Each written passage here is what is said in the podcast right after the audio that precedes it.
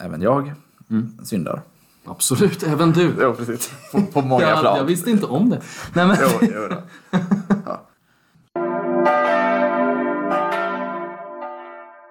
Ja, men tänk om jag inte kan fortsätta som jag vill och bla bla bla. Det finns alltid tusen så här anledningar till att inte be, tycker jag.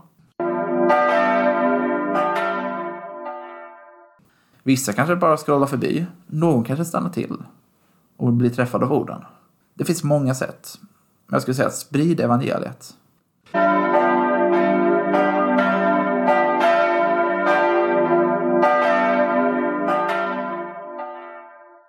Klockorna har ringt in till det 23 avsnittet av Lillhällsmål och det är snart dags för andra söndagen i advent. Och eh, jag som pratar heter Linus Forsberg. Jag sitter som vanligt med den allt lika trevlige Jim Lagerlöf.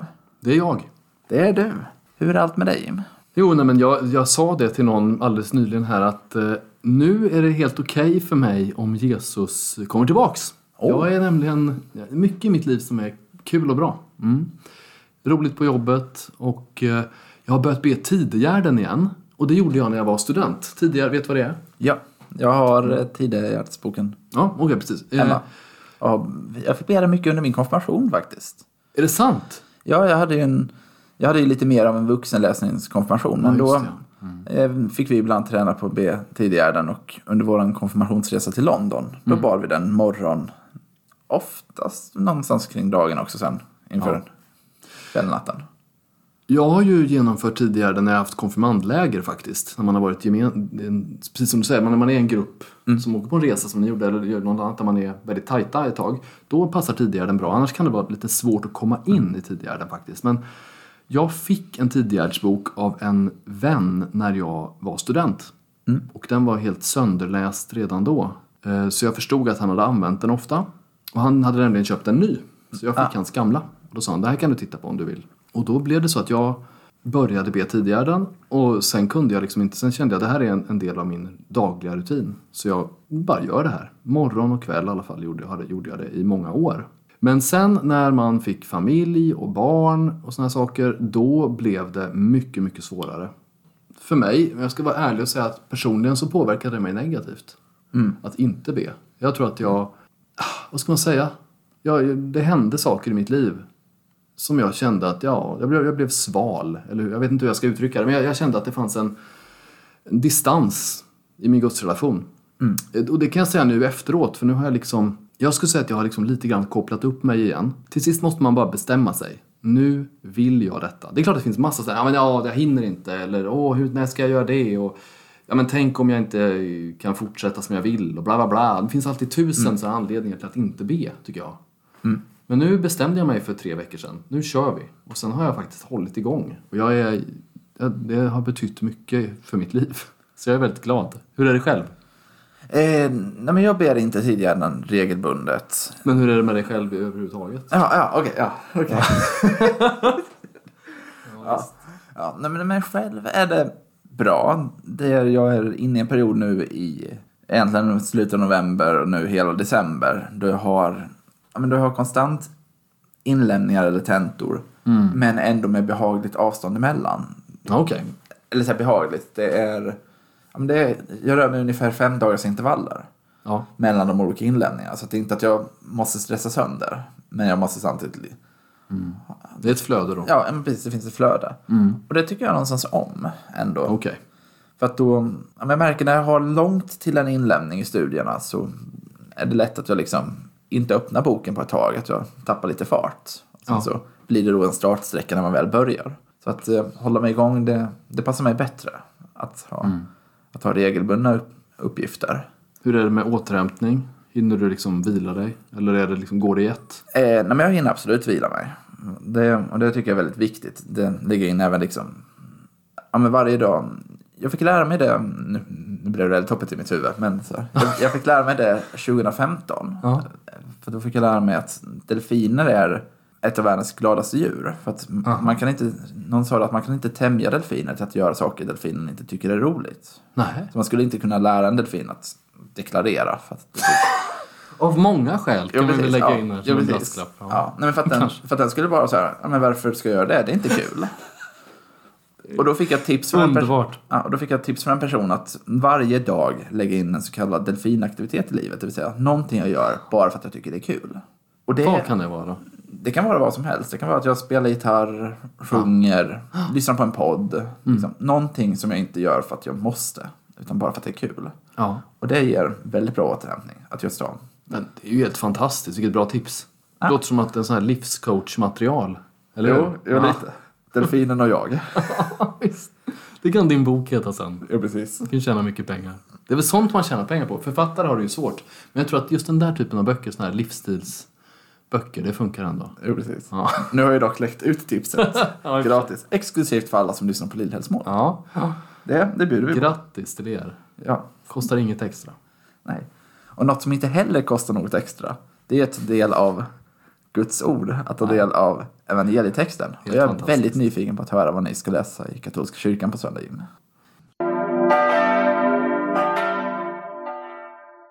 Mm. Vi ska läsa om när Johannes döparen dyker upp i Lukas evangeliet. Lukas evangeliet är ju det som egentligen berättar mest om Johannes döparen för att där finns hans födelse med och bakgrunden till den. Men, men nu handlar det om när han då dyker upp i kapitel 3 eh, och där det står att han är den som uppfyller profetordet. En röst ropar i öknen, bana väg för Herren, gör hans stigar raka. Att det är Johannes döparen som är den rösten. Jag kan säga så här, personligen, Johannes döparen har betytt väldigt mycket för mig. Jag döptes också tredje advent och i Svenska kyrkan är ju tredje advent, liksom, det är en av Johannes döparens dagar kan man säga, för då är han, då läser man alltid om honom. Så att Johannes döparen har betytt mycket för mig och jag köpte en ikon av Johannes döparen för länge sedan som jag fortfarande har kvar och som hänger uppe på, på väggen hos mig. Och jag, ehm, men han är en speciell person. Dels det här att han är liksom en, sann, en obekväm sanningssägare. Eh, det tror jag att jag också har varit ibland. Ehm, även om jag inte alls når upp till hans nivåer. Sen tycker jag också om hans liksom radikalitet. Han liksom går ut i öknen, söker Gud i ödemarken. Jag, jag, jag kan verkligen uppskatta det där, den attityden han har. Och att han, han tycker det är viktigt med äktenskap och familj. Det är ju han, han dör ju martyrdöden för att han talar om för kungen att man inte får gifta sig med sin brors syster hur som helst. Eller sin brors fru hur som helst. Ja, precis. Eh, Det är ju det som gör att han blir satt i fängelse. Mm. Ja, nej, men jag håller med. Johannes döparen är... Men, jag tror många kanske har ett speciellt band till Johannes döparen. För mig så är det framförallt att min allra första predikan jag skulle hålla i en kyrka var på eh, Johannes döparens dag. Eller På sommaren? Ja, eller på söndagen direkt efter. Jag tror att Johannes döparens dag var på någon dag innan egentligen. Så. Men så det var ändå om Johannes döparen som jag skulle hålla min första predikan i en kyrka. Så att eh, det kommer också vara ett speciellt band för mig. Ja. Jo men det blir sådär. Men vissa saker fastnar och ibland glömmer jag, Så kan det vara för mig att jag glömmer ibland varför var det här viktigt för mig. Det fortsätter att vara viktigt av någon känslomässig anledning. Men jag kommer inte alltid ihåg Ja men vad var ursprunget? Det är till exempel, jag uppfattar att kyndelsmässodagen är en sån där jätteviktig dag. Och som jag liksom har knutit vissa saker till i mitt liv som jag liksom känner wow, nu är det kyndelsmäss, vad härligt. Men jag kommer inte ihåg ursprunget riktigt till varför jag uppskattar kyndelsmäss så mycket.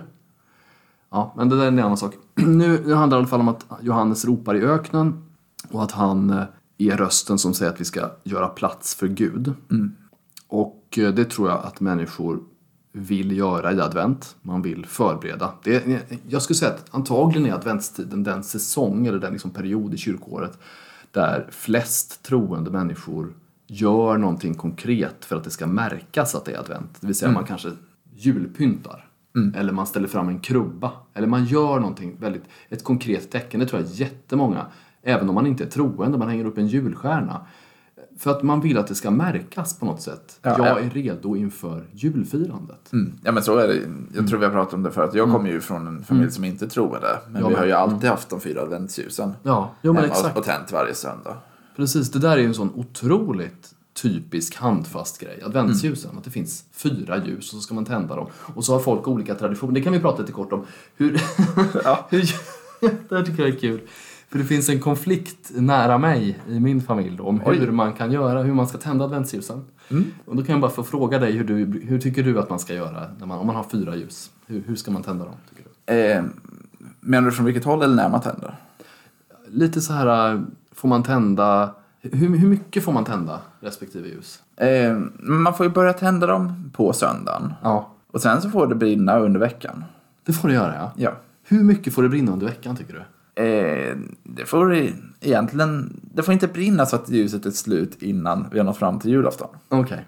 Men... Eh, Är det ett ganska tjockt ljus vi pratar om? Eller? nej, det Ett kan vara vanligt- ganska... ett Eh, vanligt sånt här, ett vanligt tunt.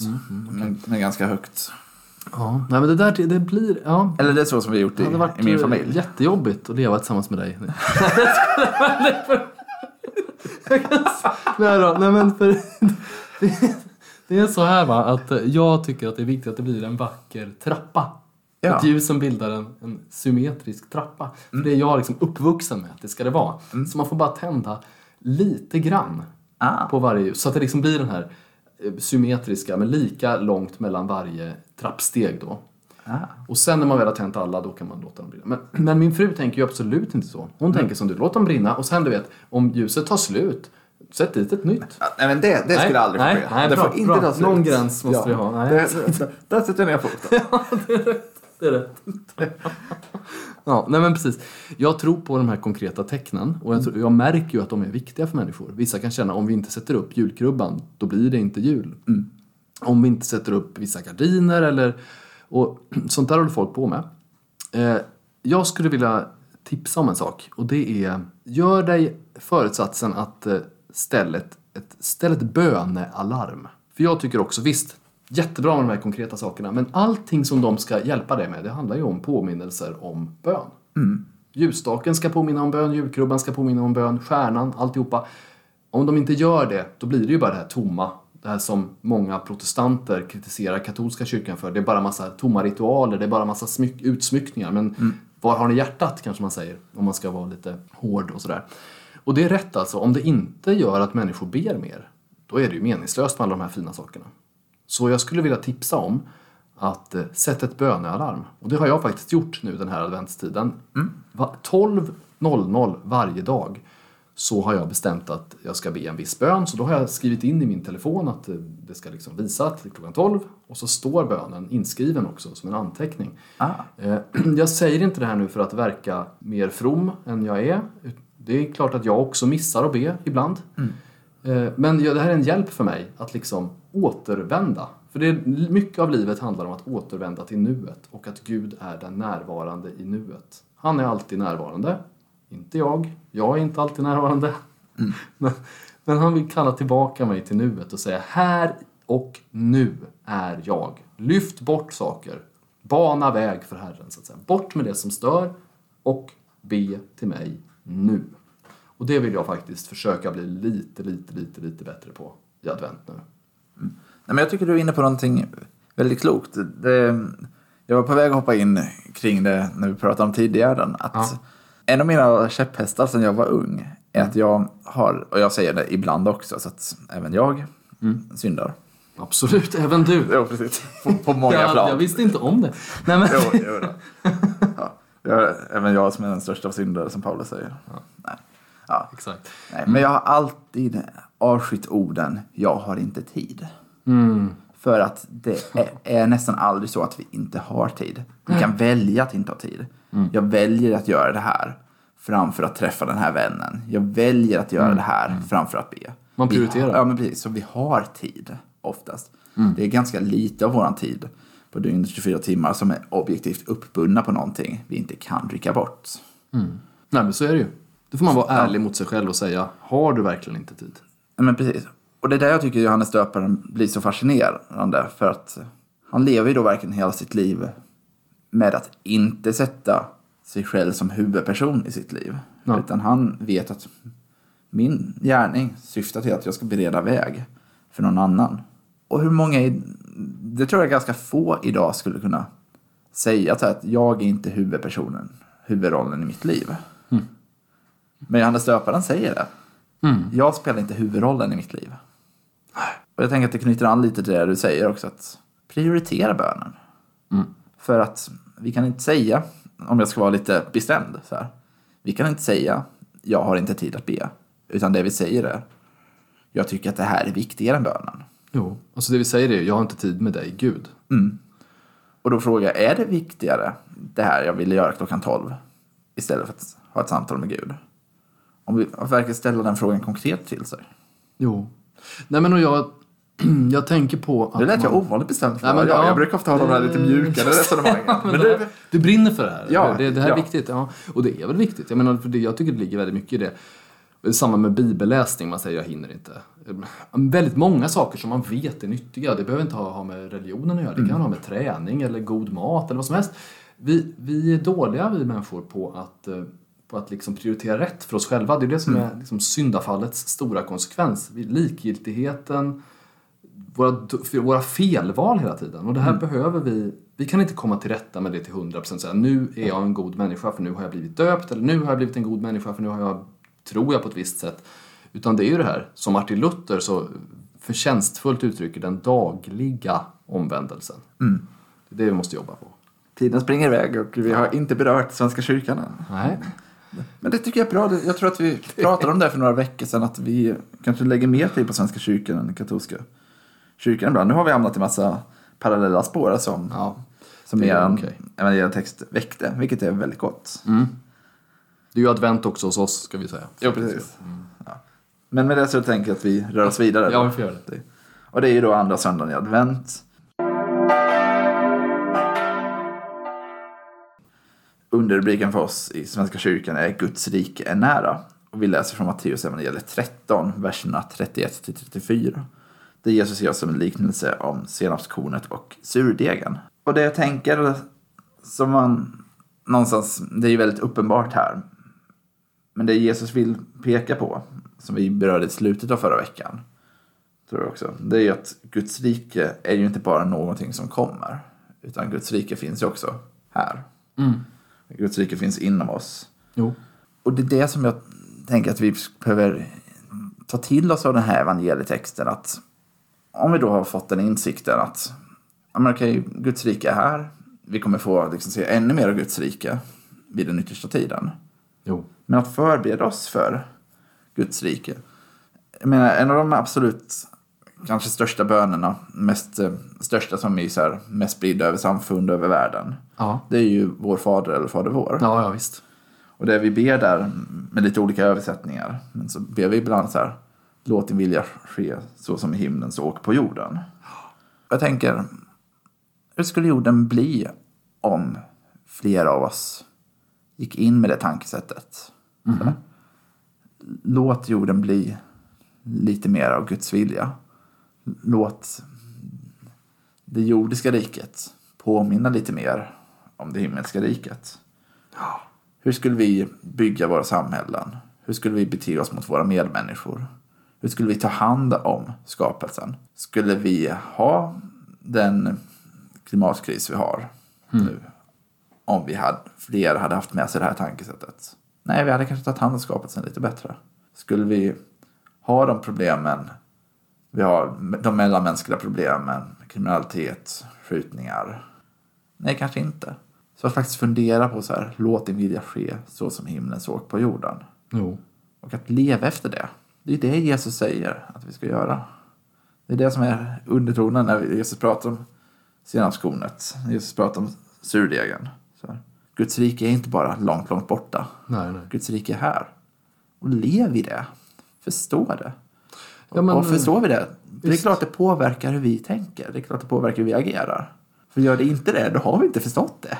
Alltså det, det, precis, man kan ju fundera på vilka lagar gäller i Guds rike? Hur skulle domstolsväsendet se ut i Guds rike? Hur skulle man ta hand om fattiga, hemlösa i Guds rike? Alltså, det, det ibland, för det är som du säger, det, man, man tror ibland att det är så långt borta, det är en vision som vi aldrig kan ens närma oss och så säger man kanske akta er så att vi inte blir kommunister eller fascister, att vi försöker själva bygga någon typ av Babels torn eller liksom vårt eget paradis här. Och det är ju inte det det handlar om. Men det är väl, det är väl rätt att tänka att Gudsriket är någonting konkret och verkligt. Även om Jesus säger det är av en annan värld och så vidare, så är det väl ändå på riktigt Guds principer om rätt och fel, Guds lagar, de, de är på riktigt. Och då på något sätt, utifrån din uppmaning då, då måste man ju studera dem. Vad är Guds vilja egentligen? Det finns en, en eller fanns en katolsk ordenssyster som hette Moder Angelica. Och hon sa alltid, eller hon sa ibland så här, folk tycker det är så svårt att veta Guds vilja. Varför tycker de det? Gör bara det mest kärleksfulla du kan just nu. Där har du Guds vilja. Sen är det väl inte så lätt ändå va, men jag tycker det är en bra inställning. Om man då tänker, hur ska man leva det här evangeliet? Och nu kommer jag kanske komma med, med det mest basic tipset jag någonsin har Okej. kommit med. Kul! Ja. Det kan behövas också. Och det är sprid evangeliet. För som jag var inne på, att de här problemen, och nu säger inte jag att vi som lyssnar på podden eller vi som pratar är felfria heller. Nej, Men Det känner jag inte nej, igen nej, det, nej, det är inte det jag vill säga. Men som jag var inne på, att, och vi pratade, berörde det lite förra veckan också, att det är klart att det blir bättre om vi är fler som går in i det här tankesättet. Det kan antingen, jag säger inte att vi nödvändigtvis måste springa ut på Stora torg med en megafon och bara sträckläsa. någon kanske är kallad att göra det. Jo, precis. Jag vet inte. Ja. Men det kan vara liksom leva ut evangeliet mot en främling genom handling. Jag tycker att du gör någonting väldigt fint i och med att du, det lördag eller söndag, att du ofta på dina sociala medier lägger ut en del av en evangelietext på dina sociala medier. Vissa, Jag glömde faktiskt det för några veckor sedan här. mm, vissa kanske bara scrollar förbi, någon kanske stannar till och blir träffad av orden. Det finns många sätt. Men jag skulle säga att sprid evangeliet och påminn om att Guds rike inte bara är där, utan här. Ja, Det är närmare än vad man tror. Och jag tror att alla människor känner någon som kanske lite extra behöver evangeliet i sitt liv. Okej, man kan säga här, alla behöver få höra att Jesus älskar dem och att Gud kan förlåta synder.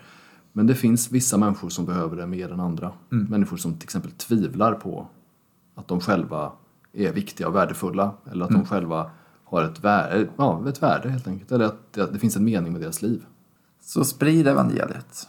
Och med de orden tänker jag att vi avslutar detta avsnitt av Lillhällsmål. Nu slutar vi sprida evangeliet här.